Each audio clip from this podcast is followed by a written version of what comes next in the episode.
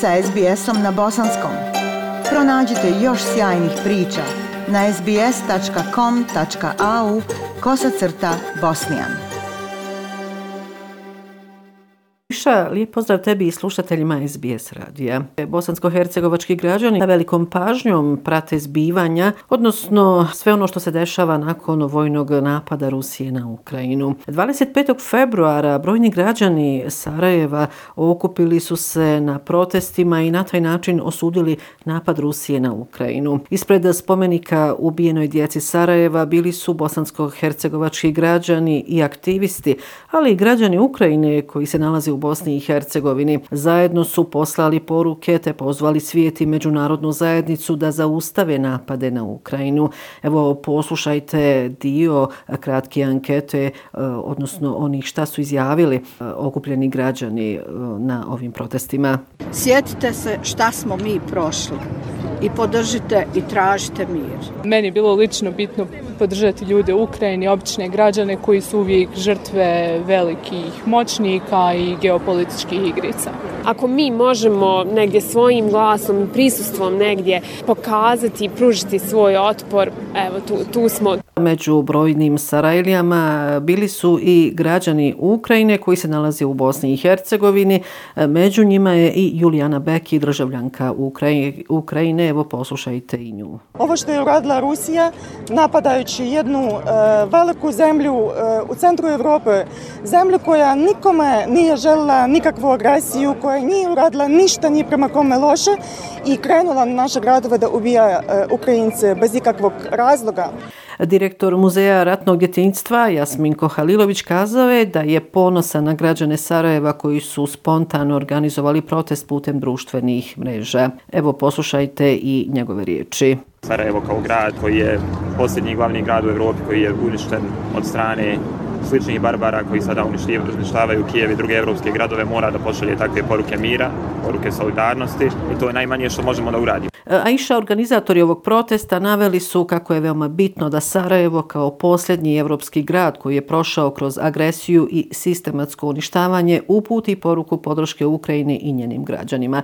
Zanimljivo je da je na ovom skupu, dakle na protestu u Sarajevu, bio i ambasador Velike Britanije u Bosni i Hercegovini Matthew Field i on je upravo govorio o sankcijama koje su već uvedene Rusiji, odnosno koje se i planiraju uvesti e, toj zemlji. Poslušajte britanskog ambasadora Matthew Fielda. To znači da e, mi, mi smo već e, koristili sankcije, praktična pomoć za Ukrajinu, uključujući um, vojne opreme. Sa e, brojnim apelima za mir e, su se oglasili i e, bosansko-hercegovački zvaničnici. Zanimljivo je iše da je 24. februara Sarajevska vječnica bila osvjetljena u bojama ukrajinske zastave u znak podrške. Slično je bilo i u Mostaru gdje je čuveni stari most dakle u tom gradu bio obojen u znaku ukrajinske zastave. Sifet Podžić, ministar odbrane Bosne i Hercegovine, kazao da je napad Rusije na Ukrajinu napad visokog intenziteta. Prema njegovim riječima ciljevi su radikalni, tako da prema njegove procjeni Evropa mora razmisliti o svojoj odbrani. Nadam se da će ciljevi Rusije u Ukrajini ostati na ograničenim dometima, kazao je Sifet Podžić. Ocijenjuje da Evropska unija nikada nije uspjela uspostaviti svoju jedinstvenu vanjsku i sigurnosnu politiku. I rejsul Lema islamske zajednice u Bosni i Hercegovini Husein Kavazović uputio apel za zaustavljanje rata u Ukrajini. Snimke iz Ukrajine podsjetile su nas na period agresije na Bosnu i Hercegovinu i još jednom pokazale da ništa nismo naučili iz naše prošlosti. Rejs eh, Kavazović izrazio je nadu da međunarodna zajednica i svijet neće sjediti skrštenih ruku kao u Bosni i Hercegovini. Neodgovorne politike i političari naveo je Rejs Kavazović moraju snositi posljedice za patnju koju e, nanose ljudima. Bilo je nekih najava da bi nastavak pregovora o izmjenama izbornog zakona u Bosni i Hercegovini mogao biti održan u Mostaru 22. februara. Međutim, u Mostar nije niko došao od e, lidera stranaka i sam Bakir Izetbegović, predsjednik stranke demokratske akcije, kazao je da zapravo nije bio ni pozvan na taj sastanak. Inače, govoreći o izmjenama izbornog zakona, Bakir Izetbegović je rekao da izbori u Bosni i Hercegovini mogu biti odgođeni maksimalno za jedan mjesec. Inače, on je ponovio e, medijima u Sarajevu da Hrvati nisu ugroženi i da, prema njegovim riječima, naprotiv imaju sve. Hrvati imaju sve mogućnosti da zaustave sve što žele na nivou federacije i na nivou države. I u vijeću ministara i domovima naroda, osim toga, imaju i entitetsko glasanje, tako da je zaista priča o ugroženosti deplasirana, kazao je Bakir Izetbegović.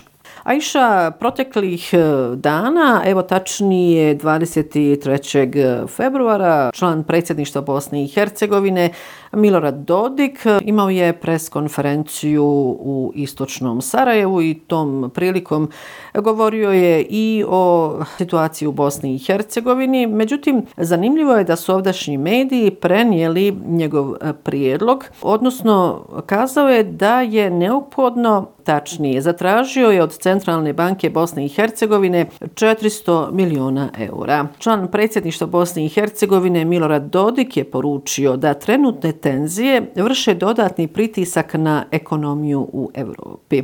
Poručio je da bi cijela Evropa mogla zapasti u krizu i da zbog toga Centralna banka Bosne i Hercegovine treba koristiti novčane rezerve u konvertibilnim markama. Imam nekoliko važnih prijedloga, kazao je ovom prilikom Milorad Dodik. Dodik. U okviru entiteta treba osmisliti ekonomske politike. U Centralnoj banci Bosne i Hercegovine postoji ozbiljna rezerva koja govori o tome da tamo ima 400 miliona eura više nego što imamo emisiju. To treba iskoristiti hitno da se formiraju robne rezerve, kazao je Milorad Dodik.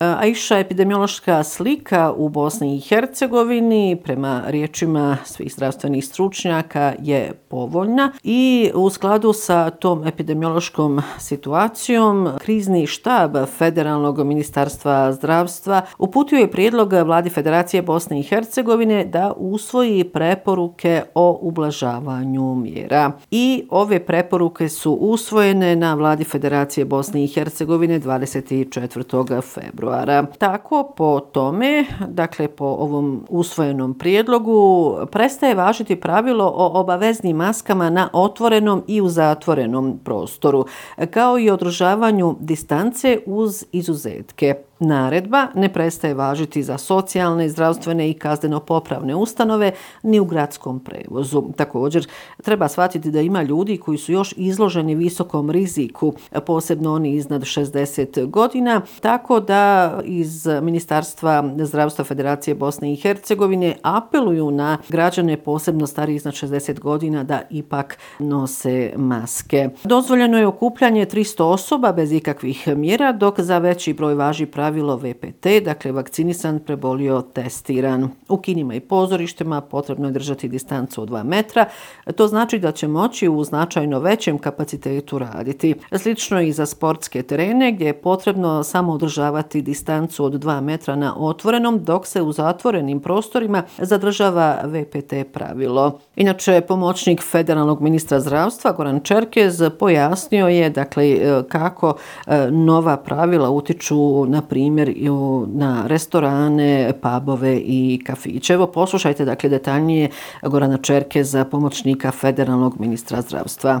Oni će morati imati razmak 2 metra između stolova i to je jedina mjera koju imaju, dakle nema više ograničenja broja ljudi. Jedina mjera također koja ostaje za objekte koji imaju muziku, koji disko klubovi, on će morati imati VPT, ali zato neće imati ograničenja u broju ljudi.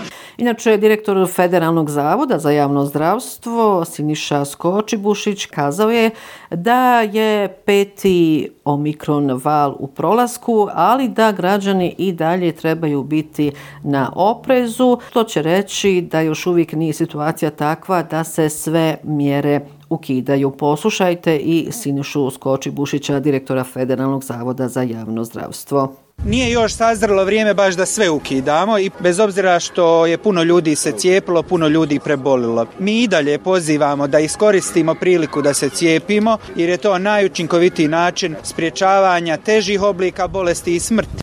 A iš evo na kraju ću dodati dakle šta su za ova nova pravila kazali e, građani Sarajeva. Poslušajte ovu kratku anketu. Dobro bi bilo da nastavimo nositi maske, da se ne opuštamo. Ako ništa zbog roditelja, zbog naše starine. Pa sve preporuke koje daju vlasti izvršne, ja to slušam i toga se pridržava. Više će umrijeti ljudi od hljeba koji nemaju jesti nego od korone. Evo, za kraj moram reći da se građani Bosne i Hercegovine nisu nešto strogo ni pridržavali epidemioloških mjera, tako da ovo ublažavanje i nije neka novost. Eto iša, toliko ovoga puta iz glavnog grada Bosne i Hercegovine. Još jednom vam srdačne pozdravi iz Sarajeva. Šalje Semra Duranović-Koso. Like, share, comment. Pratite SBS Bosnian na Facebooku.